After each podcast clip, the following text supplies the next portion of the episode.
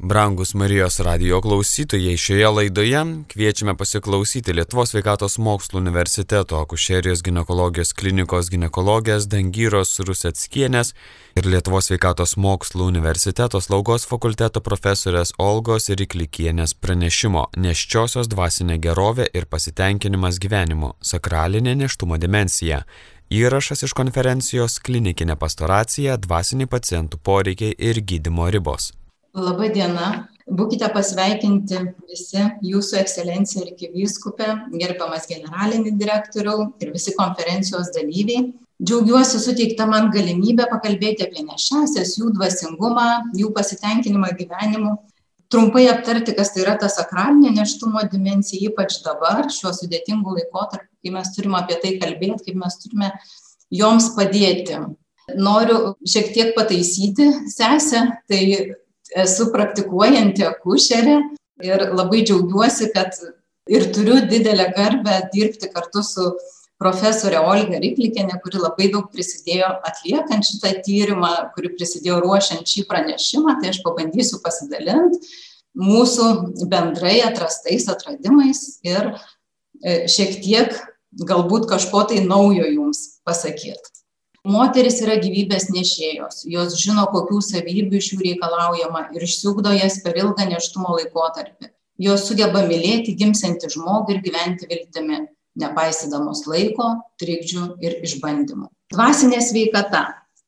Ji, aišku, yra svarbi žmogaus gerovės dalis, leidžianti asmeniui susitvarkyti egzistencinės krizės įvairiais gyvenimo aspektais. Dvasinė sveikata tai yra aukštas tikėjimo lygis vilties ir atsidavimo atspindys, kurį sukelia visiškai apibriešta, aiškiai apibriešta pasaulyje žiūra arba kokia tai tikėjimo sistema, teikianti gyvenimui prasme ir vedanti žmogų į savęs išsipildymą. Aišku, tas žmogus dažnai laikosi savo tų moralinių vertybių, integruodamas tą santykį su savimi, su kitais, su aukštesnė jėga dvasinei sveikatai įtakos turi visuomenės pažinimas ir pasaulėžiūra. Aišku, ji gali būti dažniausiai ir yra paveikta e, tam tikrų skirtingų kultūrinių sąlygų, tam tikrų skirtingų e, religijų, nes e, kiekviena kultūra apibrėžia savo dvasinę sveikatą iš savo pusės, savo požiūrių. Taigi dvasinės sveikatos įtaka fiziniai e, geroviai plačiai diskutuojama tema, o tos diskusijos e, susijusios su šia tema tapo motivacija atlikti būtent tokius medicinius tyrimus siekiant atskleisti dvasinės sveikatos įtaką žmogaus gerovį. Pati dvasingumo savoka dažnai priverčia mus susimastyti. Taigi pats dvasingumas byloja apie asmenybės integralumą arba skilimą, ir parodo, kiek mes esame bendruomeniški su kitais ar vieniši. Gali parodyti, kaip mes darniai sugyvename su kitais, su motina gamta, ar kaip tik mes esame ją galbūt visiškai svetimi. Tai nesvarbu, kiek samoningai e, sekame konkrečią religinę idėją savo poelgiais, e, ar mes padedame savo, ar kenkiame, kaupiame meilę ar kartėlį, suartėjame su bendruomenė ar nutolstame nuo jos, tai visgi e, mūsų tas dvasingumas lemia mūsų veiksmus. Ir ta dvasinė žmogaus gerovė, tarsi žmogaus būsena, dėl e, kurio e, kasdieniai toj gyvenimo plotmiai individas geba realizuoti savo tą tokį vidinį potencialą, geba realizuoti savo gyvenimo tikslus ir, ir mato tame prasme kuri galbūt tam žmogui ir teikia laimę. Tai dvasinė gerovė arba ta dvasinė sveikata tai yra viena iš holistinio požiūrio į žmogų dedamųjų ir suvokiama kaip spektras nuo dvasinio skausmo, kančios iki visuminės dvasinės gerovės ir jos augimo. Ta dvasinė gerovė galėtumėm apibūdinti kaip gyvenimą kuriant ir palaikant vientisus santykius su savimi, su kitais, su kitais žmonėmis, su gamta, su aplinka ir galbūt su Dievu tai todėl dvasingumas visuomet reiškiasi tokiais autentiškais santykiais su pasauliu, kurie su meile, su tiesa, su gėriu ir grožiu persmelkia tą visą žmogaus būtį. Ir, kaip sako um, Martišauskienė, viena iš, iš aktyvių tyriejų ir mokslininkių, kad tiesiog nutiesia tą kelią kurėjo link. Mes, žmonės, esame dvasingos būtybės, taip teigia profesorius Fischeris, Ir į dvasingumą, kaip jisai sako, galime žiūrėti įvairiai, pradedant tradicinio dvasingumo supratimu, kaip religingumo išraiška, ieškant šventumo ir baigiant humanistiniu požiūriu dvasingumą be religijos. Profesorius turi 50 metų patirtį psichologijos ir sveikatos mokslų tyrimų srityje. Jis vadovavo net trijų krikščioniškų mokyklų Australijoje steigimui. Ir labai svarbu paminėti, kad ruošiantis atlikti mūsų tyrimą apie tą nešiųjų dvasinę sveikatą, gerovę, e, teko didelė garbė konsultuoti su profesoriumi. Ir jis buvo sužavėtas, kad pagaliau bus bandoma atskleisti ir patirnėti tą nešiųjų dvasinę sveikatą ir gerovę. Ir, ir aišku, tai tas tyrimas buvo visiškai naujas šioje srityje ir Lietuvoje. Ir labai svarbu mums visiems ir aišku, mums kaip akušeriams, praktikams, sveikatos priežiūros specialistams pažvelgti ir išgirsti, ką jaučia tos neščios moterys, nešiodamos stebuklą savyje, ką joms reiškia artimųjų meilė, ką jos suvokia, ar jos jaučiasi palaimintos, ar um, tas ryšys su artimaisiais, ryšys su kitais, tas buvimas su savimi kartu ir galbūt Dievo ieškojimas ją daro laimingesnė ir stipresnė. Ir aišku, dar daug klausimų, kuriuos bandysime šiandien pasiaiškinti. Taigi, kaip profesorius Fischeris teigia, tai dvasinė sveikata yra dinamiška būties būsena, pasireiškianti žmogaus e, santykėje su pačiu savimi, su bendruomenė, reiškia ryšiais, kuriuos mes puoselėjame su kitais, su aplinka, gamta ir transcendencija tai e, kuri gali būti siejama su kažkokiu tai neapčiuopiamu daiktu. Galbūt dievu ar tuo kažkuo ko mes nežinom bet labai tikime. Taigi dvasinis intelektas ir dvasingumas. Kas tai yra? Pabandysiu susiet šiek tiek jį su nėštumu ir ką tai reiškia tai nėra vieno universalaus dvasingumo apibrėžimo taip kaip nėra vienintelio būdo jį išreikšti parodyti išjausti ir apibūdinti. Taigi dvasingumas gali reikštis kaip dvasinis intelektas kuomet asmuo gali pajusti ryšį su aukštesne jėga ir šventa esybe tai emons tyrėja dvasinį intelektą apibūdino kaip asmens gebėjimą mokėjimą ir įgūdį peržengti fizinę ir materialinę tikrovę taigi tas žmogus siekia būti doru patirti gilesnes sąmonės būsenas apmąstyti kasdienę patirtį panaudoti savo dvasinius išteklius tam tikroms problemoms spręsti. Tai straipsny apie dvasingumą ir intelektą emons rašo.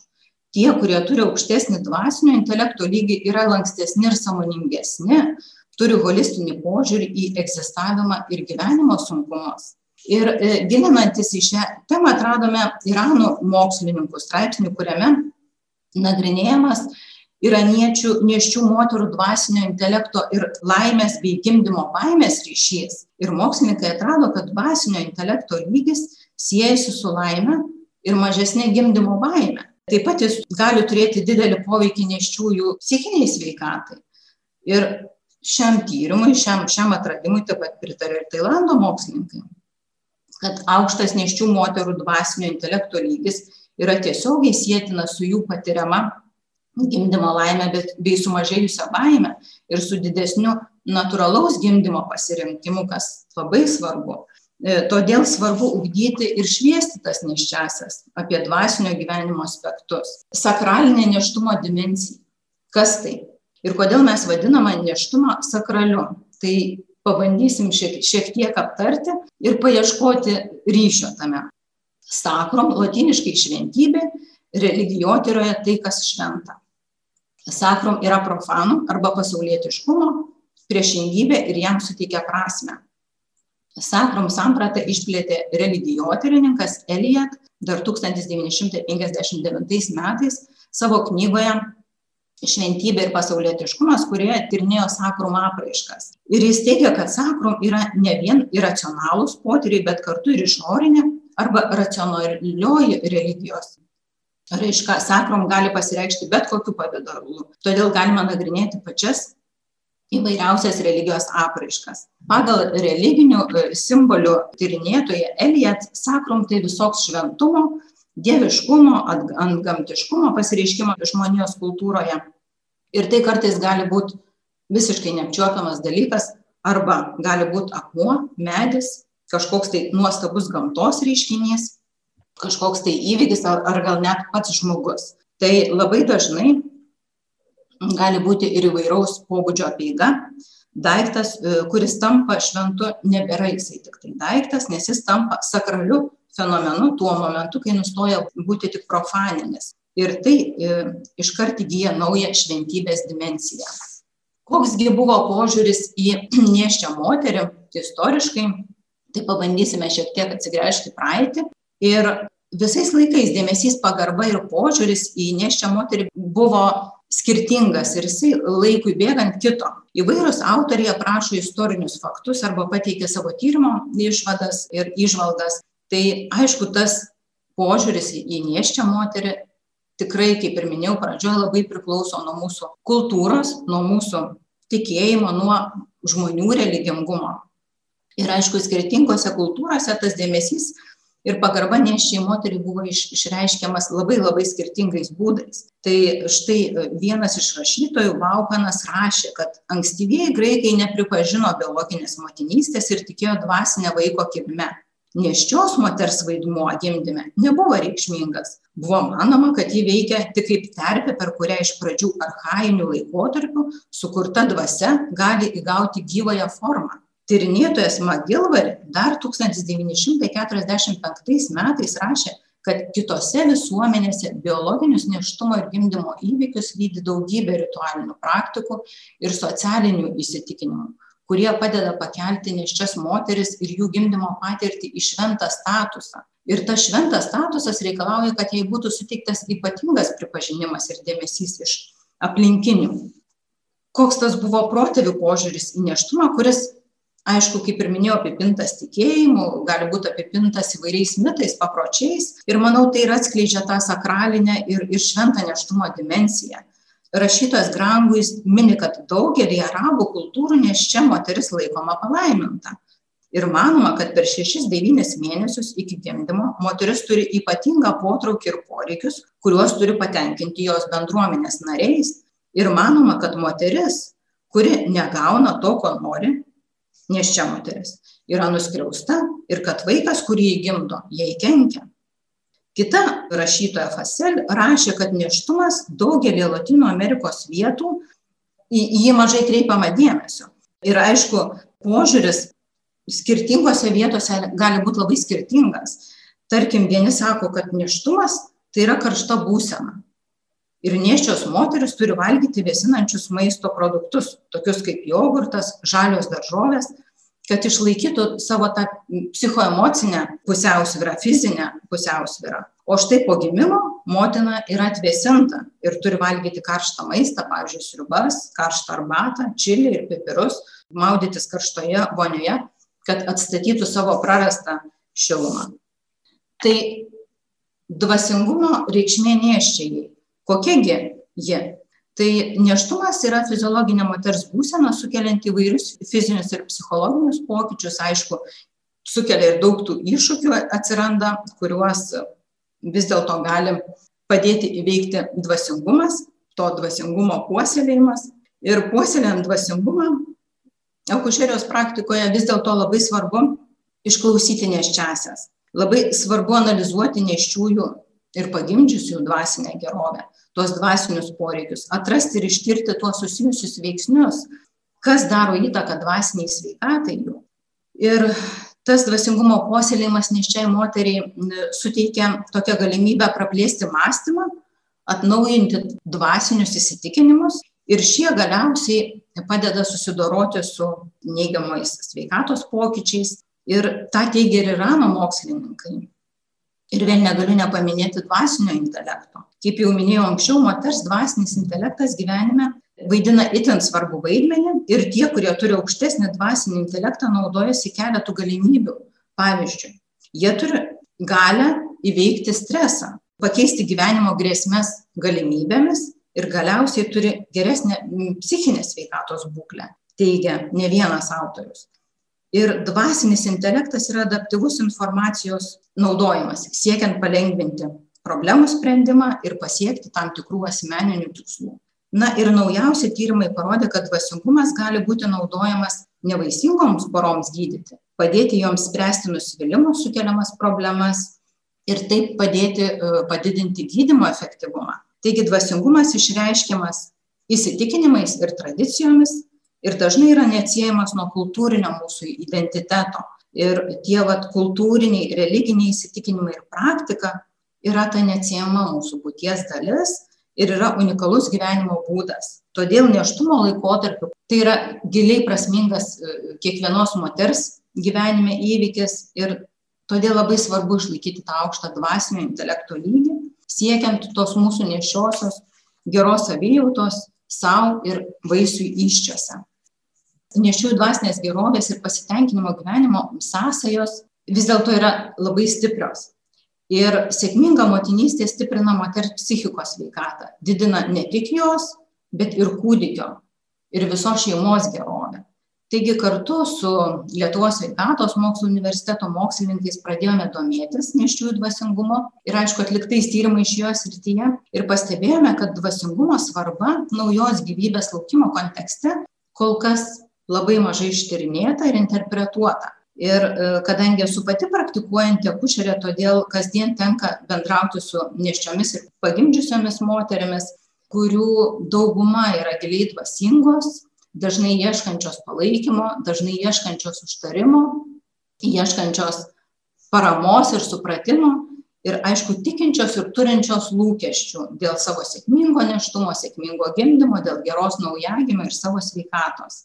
Taigi su profesore Olga Riklikinė, aišku, atlikusią ne vieną tyrimą su onkologinėmis ir lėtinėmis lygomis sergančiais pacientais apie jų dvasingumą, nedvėjodamos apsisprendėme atlikti šį tyrimą ir ištirti neščių dvasingumą ir, aišku, pasitenkinimą gyvenimu. Tai buvo labai įdomu pasižiūrėti, ar moters dvasingumas turi įtakos jų pasitenkinimui gyvenimu ir atvirkščiai tai tyrimą atlikome kauno klinikose ir lsmu kauno ligoninės filiale mažylio gimdymo namuose dar devynioliktais ir dvidešimtais metais. Ir apklausėme nėščiąsias kurios buvo tryliktą ir dvidešimtą nėštumo savaitę nėščios laukėsi. Tai mūsų darbe dvasinė gerovė buvo įvardijamas gyvenimo patyrimas per darnų pilnatvę ir laimę teikiantį santykį su Dievu, dievybe, su savimi, su kitais žmonėmis, tai yra bendruomenė ir su aplinka. Vertinant neščiųjų dvasinę gerovę, klausėme neščiųjų apie jų idealią įsivaizduojamą dvasinę gerovę, kokie jos įsivaizduoja, kad ji galėtų būti. Tai yra kokio ryšio su savimi, kitais, aplinka ir gamta bei transcendencija moteris trokšta. Ir kartu vertinome jų realią dvasinę gerovę kaip jos dabar jaučiasi vat šiuo momentu. Ir aiškinomės kokie dalykai yra būdingi jom šiuo realiu momentu. Dauguma nėščių moterų atsiskleidė kaip turinčios aukštą ir labai aukštą dvasinę būseną. Labiausiai moterų dvasinę gerovę lėmė geri santykiai su savimi su artimaisiais nes šių gerovės sričių aspektus moteris įvertino aukščiausiai. Tuo tarpu santykiai su aplinkos veiksniais ir transcendencija buvo mažiau būdingi Ir kyla klausimas, kodėl? Taigi galime daryti prielaidą, kad didžiausią palaikymą neščiosios jaučia ir gauna iš savo artimųjų.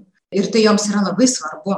Todėl vat, tie aplinkos veiksniai ir aukštesnės jėgos dažnai prisimenami arba jais kliaunamasi, kuomet jau atsiranda didelės problemos ir jų nebegali padėti išspręsti e, mūsų artimieji. Tada moteris pradeda ieškoti pagalbos iš aukštesnių jėgų literatūroje taip pat rašoma kad ryšys su antgamtinėmis galiomis dievybėmis tampa itin svarbus išgyvenant tam tikrą krizę ar nesėkmę nėštumo metu kai reikia jėgų susitaikymui ir susidorojimui su sunkumais. Taigi kokį mes pastebėjome tą atotrūkį tarp dvasinės gerovės siekiamybės reiškia tos idealios dvasinės gerovės kurią moteris tik įsivaizduoja ir tos realios ką jos jaučia tai jei asmuo nepatiria dvasinės gerovės disonanso tai yra jam būdinga dvasinės tos gerovės hormonija ir idealios ir realios dvasinės gerovės įsivaizdavimas sutampa. Disharmonija konstatuojama tada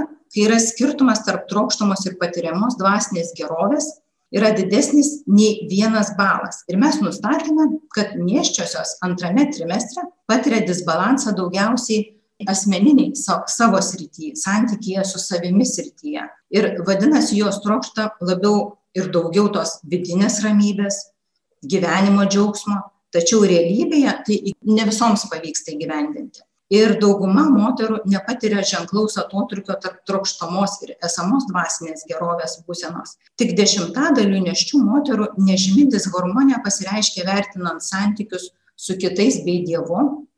Ir dviem dešimtadaliams moterų pasireiškia kiek didesnė bei, bei ženklesnė disharmonija santykių su savimi srityje ir mažiausias tas atotrūkis tarp tos idealios įsivaizduojamos dvasinės gerovės buvo pastebėtas kada moteris apibūdino savo santykius su aplinka bei poreikiu būti gamtoje mažiausiai skyrėsi ta reali ir įsivaizduojama dvasinė gerovė buvime su gamta. Kokiegi tie neščių moterų dvasiniai troškimai, tai moteriams vis dar stinga vidinės ramybės, kaip pastebėjome, ir to gyvenimo džiaugsmo, nes tie trokštami tikslai šiais dviem aspektais yra didesni nei realūs išgyvenimai. Jos pasigenda tarpusavio pasitikėjimo ir norėtų būti labiau atlaidesnės kitiems. Moteris labiau tikisi patirti ir išgyventi tą stebuklo jausmą. Ir aišku, siekia stipresnio to asmeninio santykio su Dievu ir gilesnės maldos, nei yra dabar, nei ta yra reali jų patirtis tai dvasinės gerovės sąsajos e, su socialinėmis ir demografinėmis nėščiųjų charakteristikomis taip pat buvo tiriamos ir buvo įdomu pasižiūrėti. Tai e, siekiamos ir taip pat realiai išgyvenamos tos atskleidė reikšmingus transcendentinės dvasinės gerovės ir ties skirtumus pagal gyvenamąją vietą. Ir nustatyta, kad nėščios moteris gyvenančios kaimo vietovėje trokštama ir realiai išgyvenama dvasinė gerovė įvertino aukštesniais tais balais negu gyvenančios mieste.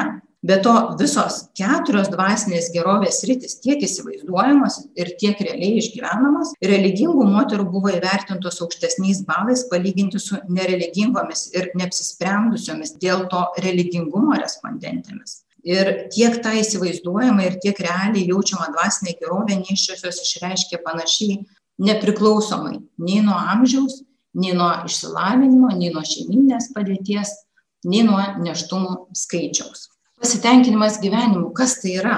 Tai vieniems mokslininkams tvirtinant, kad pasitenkinimo gyvenimo pagrindas yra materialinė padėtis, profesorius Busingas teigia, jog pasitenkinimas gyvenimu apima daug individuo gyvenimo sričių ir yra svarbus elementas visuomenės sveikatos tyrinėjimų plotmėje. Keletas šių gyvenimo mm, sričių žmogaus kaip individo gyvenime yra labai svarbios. Todėl profesorius Busingas išskiria keturias pagrindinės pasitenkinimų gyvenimo sritis. Tai vidinė, tai reiškia savo paties ir gyvenimo bendrai, socialinė, tai yra draugystė, šeimos gyvenimą, ryšių su kitais, išorinė, tai yra darbą, gyvenamąją aplinką ir perspektyvinę, tai yra finansinę padėtį ar tai ateities perspektyvas.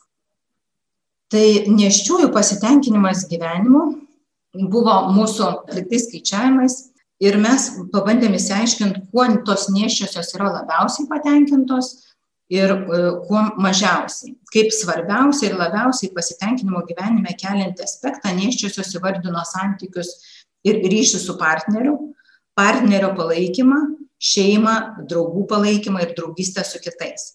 Buvo stebimas šiek tiek mažesnis pasitenkinimas sveikata ir tai gali būti susijęs su tais patiriamais e, simptomais neštumo pradžioje. Ir aišku, pastebėjome, kad darbas tokiu gyvenimo laikotarpiu iš vis lieka antrame plane ir dažnai dėl tos pasikeitusios savijautos neštumo metu tampa tarsi kančia. Taigi, pasitenkinimas gyvenimu galima teikti, kad yra susijęs su neštumo planavimu pagal mūsų atliktą tyrimą. Tai moteris planavusios neštumą buvo gerokai labiau patenkintos gyvenimu nei tos, kurios neštumą neplanavo. Praktika ir tyrėjai teigia, kad jei kūdikis yra laukiamas, motina jį myli ir visą neštumo laikotarpį palaiko su juo glaudų ryšį ir dažniausiai toks neštumas yra lengvesnis o ir ta moters vidinė darna, pasitenkinimas gyvenimu būna labiau išreikšti. Moteriams pirmą kartą gimdančioms pereimas į motinystę gali būti sudėtingas ir susijęs su savigarbos sumažėjimu. ypač jei nėštumas buvo neplanuotas, taip teigia du mokslininkai Zinga ir Philips. Tačiau pasitenkinimas gyvenimu nebuvo susijęs su, su moterų amžiumi, jų religingumu ar išsilavinimu. Štai čia matome, e, kad geriau besijaučiančios yra labiau patenkintos gyvenimu. Pirmą kartą nėščios moteris buvo mažiau patenkintos gyvenimu, nei besilaukiančios antrą ar trečią kartą. Ir taip, galvojam, galimai yra susijęs su tuo, kad pirmą kartą besilaukiančios turi daug ir nepagristų baimių, turi daug lūkesčių, daug įsivaizdavimų, kai tuo tarpu antrą kartęs jau yra patyrusios tą motinystės stebuklą. Taigi, dvasinė gerovė ir tos gerovės sritis, kurios labiausiai siejasi su pasitenkinimu gyvenimu. Tai, kaip jau ir sakiau, ta dvasinė gerovė gali būti siekiama įsivaizduojama ir reali tą, ką jaučia ir suvokia moteris. Tai pastebėjome, kad yra ryšys tarp pasitenkinimo gyvenimu ir asmeninės dvasinės gerovės, bendruomeniškumo ir tos aplinkos suvokimo ir tos jaučiamos dvasinės gerovės.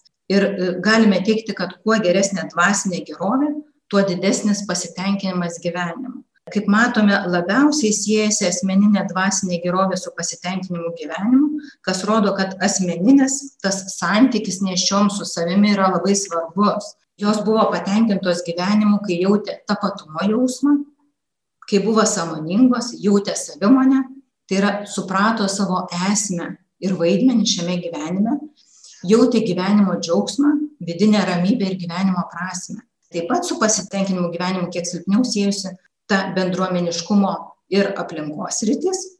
Ir čia irgi teigiamos sąsajos.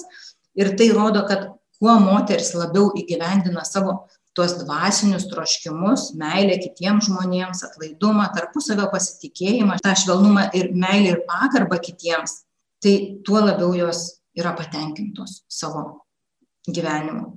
Ir žinoma, labai svarbu yra ryšys, vienybė ir darna su gamta ir nėščiosios per šitą jautė pasitenkinimą gyvenimu ir, ir pažymėjo, kad ta darna joms yra labai labai svarbi. Ir pranešimą norėčiau pabaigti palaimintojo popiežiaus Jono Pauliaus antrojo žodžiais iš apaštališkojo laiško, kad motinystė įtraukia į ypatingą bendrystę su gyvybės paslaptimi, kuris kleidžiasi motinos iščiose motina pripildoma šios paslapties stebuklo ji per savo nepaprastą nuojautą supranta kas vyksta. Nuo pat pradžių motina priima ir kaip asmenį myli vaiką kurį nešioja savo įsčiose. Šis nepaprastas ryšys su nauja žmogiška būtybe kuris skleidžiasi jos viduje sukuria požiūrį į žmogų. Ne tik į savo vaiką bet į žmogų apskritai. Ir šis požiūris iš esmės apibūdina visą moters asmenybę Tai noriu padėkoti visiems už dėmesį. Mėly Marijos radio klausytojai, šioje laidoje klausėmės Lietuvos sveikatos mokslų universiteto akušerijos gynekologijos klinikos gynekologijos Dangyros Ruseckienės ir Lietuvos sveikatos mokslų universiteto slaugos fakulteto profesorės Olgos Riklikienės pranešimo Neščiosios dvasinė gerovė ir pasitenkinimas gyvenimu - sakralinė neštumo dimensija Įrašas iš konferencijos klinikinė pastoracija, dvasiniai pacientų poreikiai ir gydimo ribos. Likite su Marijos radiju.